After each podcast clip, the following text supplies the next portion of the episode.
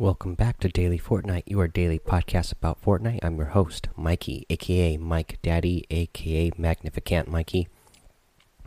And today, uh, I want to go ahead and let's talk about another tip uh, involving duos.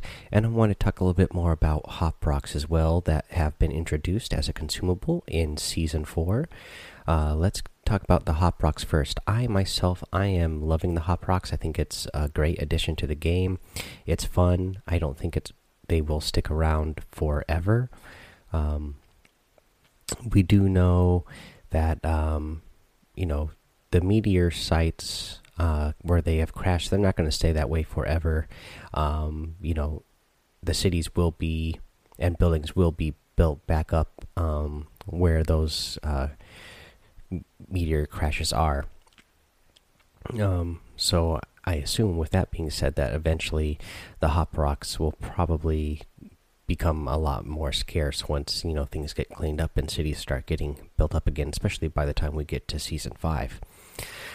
Um, but uh, you know, I want to give a little tip about the hop rocks. Um, because it seems like it's pretty 50 50 right now on what people think about them. Some people are really loving them, and some people are, you know, thinking that they're horrible.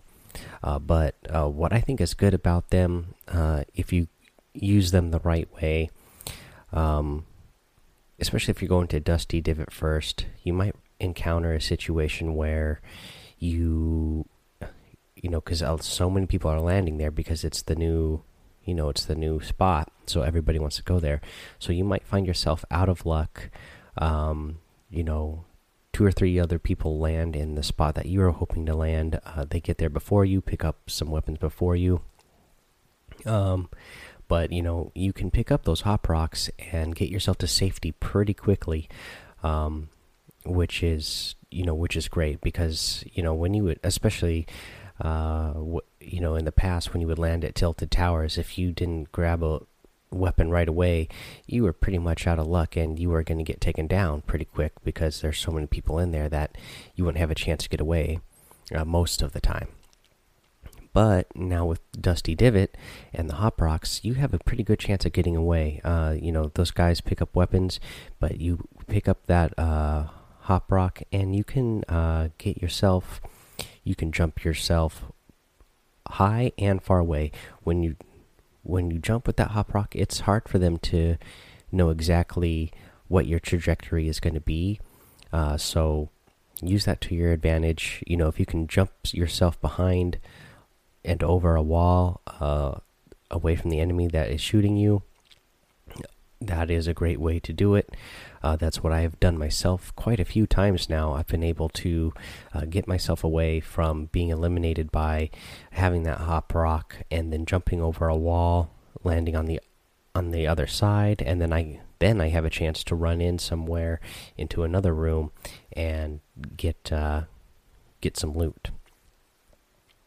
Um, now the other thing that you can do again with the hop rocks, um, it is very hard to aim and jump at the same time with the hop rocks. It's it's so wonky that you know, and you and you move pretty fast when you're in it, so you don't really have a lot of time to adjust your aim and jump at the same time. Uh, I'm sure some of uh, really high level players do it, but uh, for the most of us, I you know I think that's going to be pretty tough. Um, so what I would suggest is you don't don't even try to shoot while you're uh, in the air. Wait till you land back down on the ground, but be ready. Uh, like be watching your enemy the whole time. Once you land back down on the ground, then you can shoot. Uh, the only time you're gonna want to like jump and shoot at the same time is if you know somebody's above you. Uh, they've built a little fort, or they're on a wall above you. Then you can jump up and get them with that shotgun. Hopefully, you are able to get that aim and shot off quick enough once you get to the top of the wall there. But that's a little bit easier to time. But if they're running around on the ground, it's hard to jump and hit a moving target um, while you're jumping with that with that hop rock. Uh, let's see here. What else uh, with the hop rocks? Again, you know, most of them are around Dusty Divot, um, but you know you're gonna find them at other smaller meteor sites as well, and um, they will help you reach higher places as well uh, a lot quicker. Uh, that um, some of your opponents, you know, if they're trying to climb some stairs or build up to, you might be able to get up there faster if you have the hop rock. Um, okay, so we we talked about that. Okay, and then the the other thing I wanted to give you guys a little tip on was playing duos again. I don't um, give a lot of tips out for duos, but I'm gonna try start giving some tips out for duos a little bit more often. Um, now, and so the tip that I have here is, you know, you gotta let you gotta know when to let your partner fall, when when to let them be eliminated. It, it, it sometimes it's just not worth it to save your partner, uh, because if your partner's being eliminated and then you get yourself elim eliminated too, then you know you're all out of luck. You got nowhere. Uh, it's better for at least one of you to survive than you know guarantee guaranteeing that both of you die. Uh, so for this, you know, a good way to save your partner, you see your partner get down.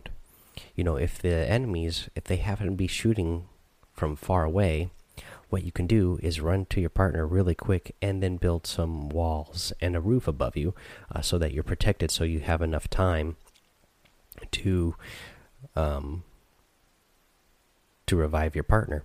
Uh, that's going to be that's going to be almost the only time that it's really really worth it. If if your partner's being shot at uh, close range he's being you know shot with the shotgun and that's what brought him down uh, it's not going to be worth it for you to then try to get yourself in the mix and uh, try to revive them. The what you're going to want to do first is take, hopefully, when they get taken down, they're only being taken down by one other person and they're not being surrounded by two guys at the same time. And hopefully, you can take out uh, one guy, but if he is being taken down by two guys, hope you know maybe maybe you're really good and you take out both guys at the same time.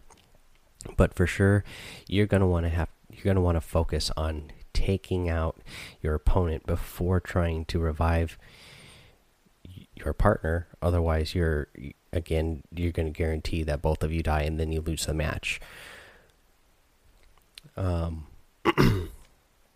again, you just have to assess the situation with this. Um, what kind of weapon do you have? What kind of gear do you have? Um, if you know if the other person is shooting them close range uh, with a shotgun and you don't have something just as powerful if you don't have a shotgun yourself um, you know i would i would say it's not it's not worth the risk um, to go charge them. If you happen to have an assault rifle and you and your partner have some space between you you know hopefully you're you can get some good shots in and take take out your opponent before he totally eliminates uh, your partner, and then you can run over there and revive him. But definitely, uh, again, guys, be careful uh, when you're doing that. When you're playing duos and your partner goes down, sometimes it's just better to let them die. Um, unfortunately, uh, you know, get yourself further in the match, especially if you're getting towards the end game. You know, don't you know if you're one of the last four or five teams, don't uh, don't get yourself the loss just because you were trying to save your partner. It, it, it really might just be worth it to let them go and try to go solo the rest away and uh, see if you can pick up the win for your team. Even though you're the one that survived to the end, it still counts for a win for both of you. Uh, so try to think about it that way. Either either you or your partner try to you know work that out and have an agreement like, hey, you know, let's assess the situation and you know if it if it doesn't work out you got to let me go. All right guys. Uh, that's what i have for today. I, I, hope you guys are enjoying the hop rock. Uh, let me know. Um, also i want to let you guys know that i put up another twitter poll. Uh, i think i put it up about 11.30 and i set it for a one day poll so it, it'll be done at 11.30 a.m tomorrow. I've had a few votes in it so far. Uh, but if you uh, go to my Twitter, you'll be able to see it. And the question was, uh, which is your favorite um, skin in the Battle Pass for Season Four?